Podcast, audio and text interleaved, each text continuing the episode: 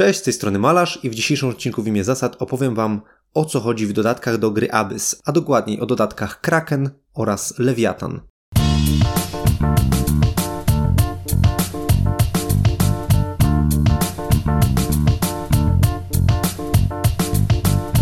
Dodatki Kraken oraz Leviathan są od siebie niezależne i wprowadzają do gry zupełnie różne moduły.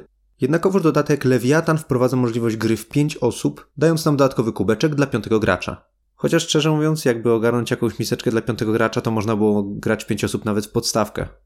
Omawianie nowych niuansów i modułów zaczniemy od dodatku Kraken. Kraken wprowadza do gry przede wszystkim nową mechanikę nebulisów. Nebulisy to czarne perły, które zdobywamy przy różnych okazjach, a których nie tak łatwo się pozbyć, a na koniec gry zapewniają nam karne punkty. Ponadto osoba, która ma na koniec gry najwięcej nebulisów, otrzymuje dodatkową karę minus 5 punktów. Zacznijmy jednak po kolei. Do talii sojuszników dodajemy 7 kart krakenów. Karty krakenów są wygodne z dwóch powodów. Po pierwsze są mydełkami, więc możemy łatwo dostosować się do sytuacji na dziedzińcu, a poza tym kart krakenów nigdy nie wykładamy przed siebie jako sojuszników. Po opłaceniu lorda odrzucamy najpierw wszystkie krakeny i dopiero z pozostałych kart wybieramy tę o najniższej wartości i zagrywamy przed siebie, co znacznie ułatwia zagrywanie sojuszników o wartości 4 czy 5. No dobra, a teraz jeszcze ta ciemna strona kart krakenów. Karty te generują nam od 1 do 3 nebulisów i jeżeli do końca gry się ich nie pozbędziemy, będą to karne punkty. A jak się można pozbyć nebulisów? Generalnie rzecz ujmując, można traktować nebulisy jak zwykłe perły, to znaczy można nimi płacić, ale jest kilka wyjątków, które bardzo utrudniają pozbycie się ich.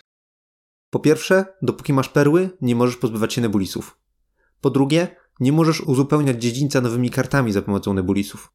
Po trzecie, kiedy płacisz nebulisami, możesz się pozbyć jednocześnie tylko jednego z nich. Czyli na przykład, kiedy inny gracz eksploruje głębiny, a ty masz same nebulisy, możesz mu wręczyć takiego nebulisa tylko w sytuacji, jeżeli jest to pierwsza kupowana podczas tej eksploracji karta. Jeżeli jakiś inny gracz kupił już jakąś kartę za jedną perłę czy nebulisa, to ty w takiej sytuacji masz jedynie opcję, by zapłacić swoją ostatnią perłę plus pierwszego nebulisa, ponieważ nie możesz zapłacić za pomocą dwóch nebulisów. Trzeci sposób, by pozbyć się nebulisów, to dopłacanie za ich pomocą do kosztu lordów.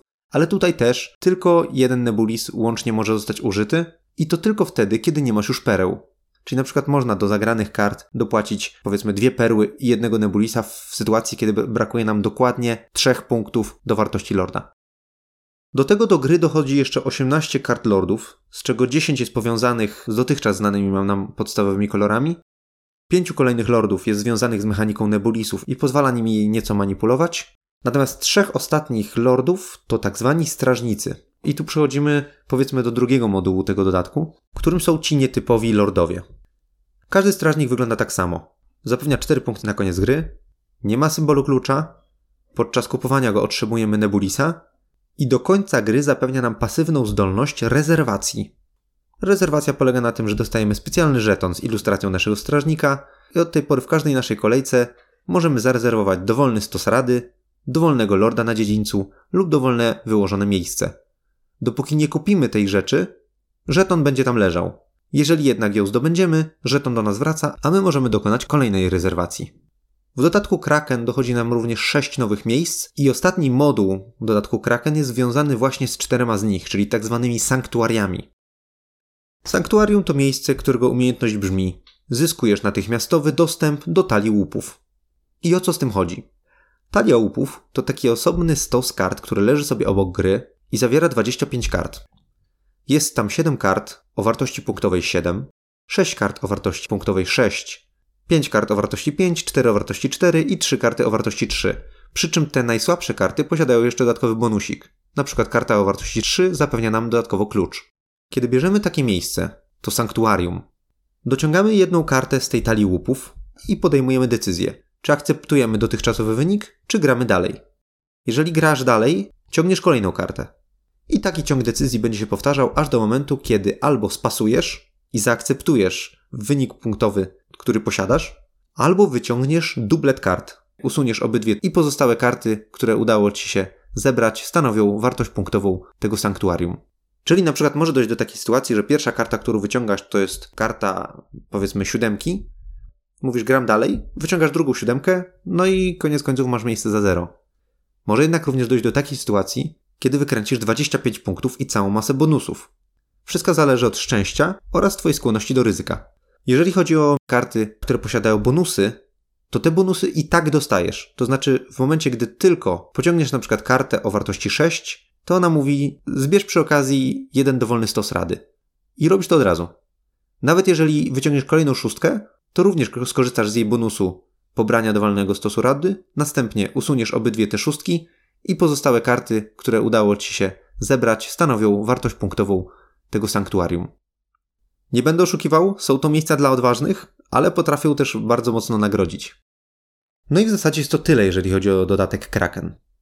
Przejdźmy więc do Lewiatana. Lewiatan jest dodatkiem, który usuwa nam z gry stary tor potworów i dodaje zupełnie nową mechanikę polowania na potwory, tak zwane lewiatany. Do talii sojuszników dodajemy trzy dodatkowe karty potwora. Ponadto dochodzi nieco kart specjalnych sojuszników o wartości od 1 do 4, które oprócz swojej wartości posiadają jeszcze specjalną umiejętność do walk z lewiatanami. No dobra, to o co chodzi z tą nową mechaniką lewiatanów?